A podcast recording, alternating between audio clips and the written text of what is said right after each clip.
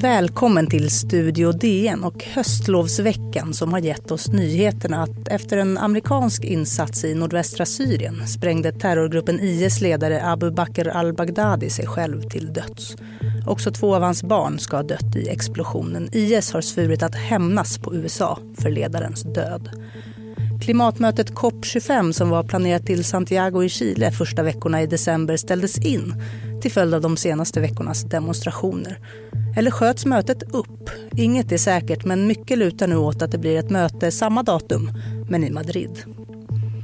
Den norske affärsmannen Petter Stordalen kramade en stor mjukisgiraff på pressträffen och klev in som ny ägare till resebolaget Ving. Han fick direkt kritik av forskaren Stefan Gössling som sa till DNs Ida Yttergren att han skulle ha velat se en ägare som tog klimatfrågan på allvar. Och allvar är det i Kalifornien. Precis utanför storstäderna Los Angeles och San Francisco. I områden där det kryllar av lyxvillor härjar skogsbränderna. Delstaten har drabbats hårt av bränder de senaste åren och inget tyder på att det kommer bli färre eller mindre framöver. DNs Martin Gelin konstaterade i veckan att varken rik eller fattig undkommer klimatkrisens förödelse. Och på plats i just Kalifornien tackade klimataktivisten Greta Thunberg Nordiska rådet för att hon tilldelats deras, deras miljöpris. Men avböjde. Klimatrörelsen behöver inga fler priser. Vi behöver politiker och makthavare som lyssnar på forskningen, skrev hon på Instagram. Och Nordiska rådet fick behålla sina pengar, ungefär en halv miljon svenska kronor. Och så det vi ska prata om i den här veckans Studio DN. Fotboll, fotboll, fotboll. Herrallsvenskan avgörs i helgen och åtminstone i teorin är det fortfarande spännande. Minst lika spännande, DNs Pia Gripenberg kommer hit och reder ut det senaste i Brexit. Vad innebär det här nyvalet i Storbritannien egentligen? Och till sist, halloween, allhelgona. Vad är det vi firar egentligen? Hur firar vi och vad ska vi äta? Ja, då kör vi. Jag heter Alexandra Urisman Otto.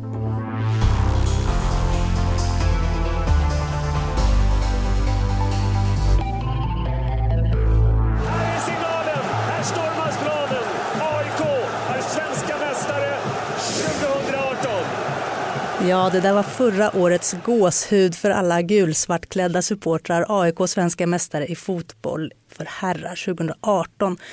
För ett par veckor sedan säkrade Rosengård guldet i årets damallsvenska och imorgon lördag så avgörs vilket herrlag som vinner allsvenskan.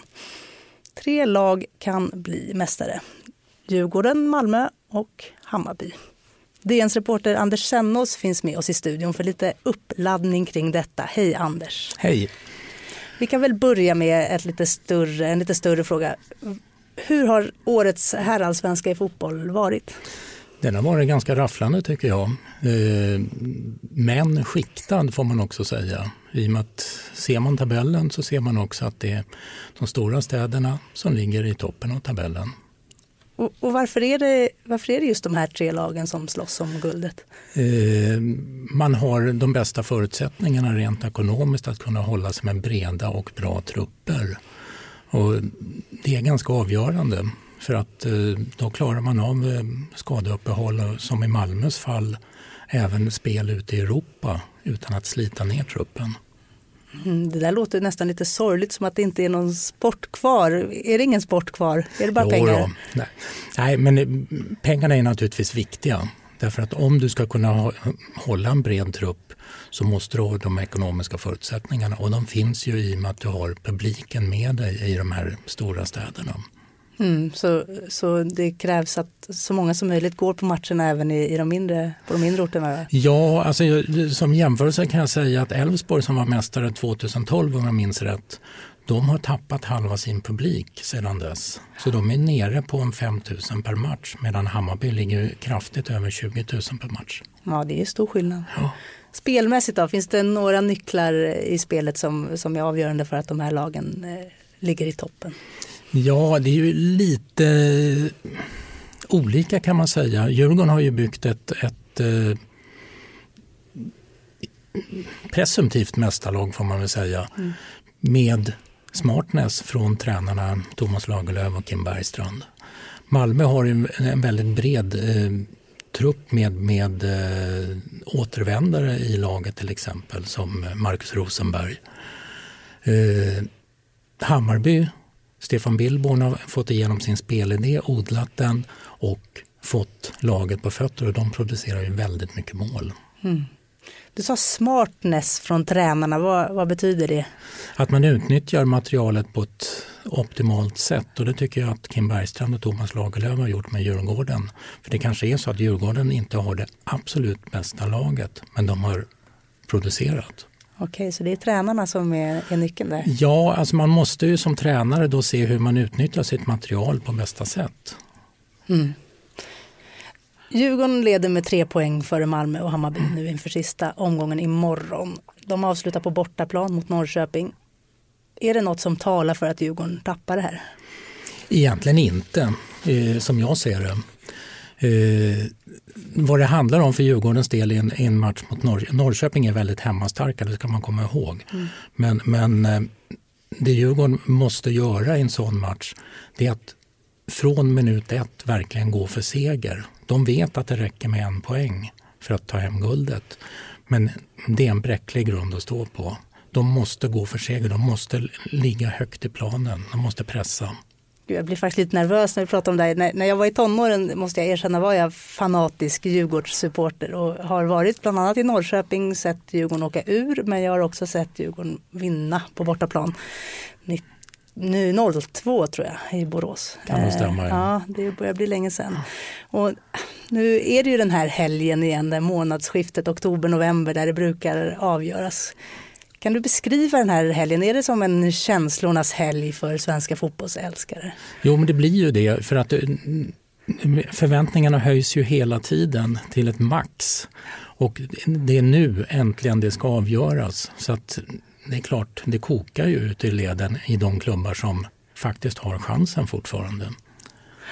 Gud vad spännande. Eh, du måste förstås avsluta med att tippa. Hur går det imorgon?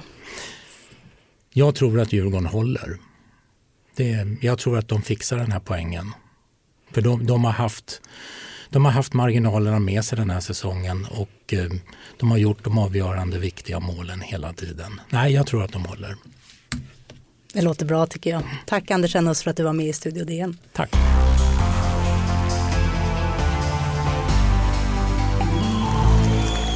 Today we launch the most ambitious and radical campaign our country has ever seen to bring real change to all parts of this country. Ja, det där var Labour-ledaren Jeremy Corbyn som berättade att han och hans opposition är redo för nyval i Storbritannien som en följd av ja, Brexit-följetongen som aldrig tar slut. Eller DNs EU-korrespondent Pia Gripenberg just nu hemma i Sverige är här nu för att hjälpa oss få koll på den senaste händelseutvecklingen. Hej Pia! Hej hej! Låt oss bara backa bandet lite grann. Eh, jag vet att vi har gjort det förut men, men i alla fall. I juni 2016 så röstade Storbritannien för att lämna EU. Kan du kort ta oss igenom alla de olika vändningar som Brexit har tagit sedan dess? i så korta drag som möjligt och utan att öka förvirringen mm. så kan man ju då säga att eh, det valet då, den här midsommarafton när alla vaknade upp och var tämligen chockade för att det här hade inte så många räknat med så blev det ju då inrikespolitisk turbulens. David Cameron avgick, Theresa May kom istället. Hon skulle då börja inleda de här brexitförhandlingarna med EU. Hur ska Storbritannien lämna EU? Och problemet var ju att de som röstade det här valet hade liksom ingen aning om vilken variant av att lämna EU som man skulle välja. Det. Så det här drog ut väldigt mycket på tiden och det blev mycket juridiska turer som det alltid är i Storbritannien. Så att det dröjde till mars 2017 innan Theresa May skrev ett brev till då EU och sa att Storbritannien vill lämna. Och då satt den här klockan igång som går under två år. Att under två år ska man bli överens om ett utträdesavtal, skilsmässan helt enkelt. Mm. Och det där drog också ut på tiden därför att Theresa May hon hade inte liksom koll vad, vad hon kunde få igenom i sin egen regering och sitt eget parlament. Men till slut satte de här förhandlingarna igång och man var färdig i november 2018. Just då, då, då var man inom tiden fortfarande. Då var man inom tiden och så skulle man lämna 29 mars 2019, alltså i år. Mm. Men Theresa May försökte få igenom sitt avtal tre gånger i parlamentet. Det gick inte. Parlamentet tvingade henne istället att söka en förlängning. Mm. Hos Så- EU? Hos EU och då den förlängningen kom att löpa till 31 oktober Det var 2019. igår. Igår var det, Ja. precis. Och eh, Boris Johnson satte igång och förhandlade för han efterträdde Theresa May i somras och då blev det istället så att hans avtal fick faktiskt ett principiellt godkännande av parlamentet. Men däremot så när det, det här ska införas i, i lagstiftning, det är en jättegigantisk lagstiftningspaket som ska igenom och det sa brittiska parlamentet till att nej, vi kan inte på så här kort tid ha en sån här omfattande politisk förändring. Vi måste få tid att diskutera, debattera och ändra. Och det var det där med att ändra det med de här olika tilläggen som alltid dyker upp. Det var då Boris Johnson, han ville ha ett nyval för att han ville ha ett nytt parlament som inte är så bångstyrigt. Mm. För det är så han ser det, parlamentet är bångstyrigt. Ja, och han har den här äh, sloganen att det är folket mot parlamentet, att det är liksom de, parlamentet motsätter sig folkets vilja att lämna EU. Just det. Men parlamentet är valt av folket. Det är också valt av folket, så är det. Och precis just nu då, var står vi? Nu står vi då att eh, Boris Johnson har till slut fått igenom att det ska bli ett nyval. Han har försökt flera gånger tidigare, men den här gången har han lyckats att få igenom. Vi ska ha ett nyval i Storbritannien den 12 december. Och förhoppningen för då Boris Johnson är att han får en bra egen majoritet. Han slipper förlita sig på det här nordirländska partiet DUP. Han slipper förlita sig på att det är Labour-ledamöter som hoppar över när hans egna hoppar och, och över åt andra hållet. Och att han får bort de här Tories, alltså hans konservativa, eh, som är, är liksom emot honom också. Okej. Och den här, man måste väl ändå få kalla det röran eh, som har varit, hur har det påverkat Storbritannien? Alltså Storbritannien är ju extremt splittrat. Jag menar, förr i världen talade man att man var Labour eller Tories. Nu är man Remain eller Leave. Alltså man börjar identifiera sig om man vill vara kvar i EU eller om man vill lämna EU. Det är också ökat splittringen inom det som är Storbritannien. Att eh, opinionen har växt för att Skottland ska ha ytterligare en, en eh, folkomröstning om att lämna Storbritannien. I Nordirland växer kraven på att eh, man kanske ska ha en folkomröstning där om att hela Nordirland ska ansluta sig till Irland, att det blir ett enat Irland. Och, eh, ja, och det har gjort också att det har, våldet har ökat på Nordirland. Det har varit flera attentat mot polisen till exempel. Just det.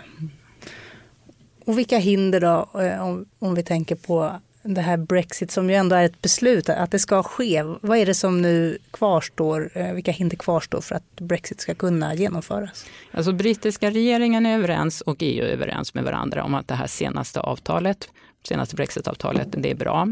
Men det ska då godkännas av brittiska parlamentet och det ska godkännas av Europaparlamentet. Europaparlamentet är allra sista instans som ska godkänna det. Europaparlamentet ses inte som något större problem. De kommer att rösta för det här om brittiska parlamentet gör det. Så allting hänger på parlamentet? Yes. All right. Tack snälla Pia Gripenberg för att du var med oss.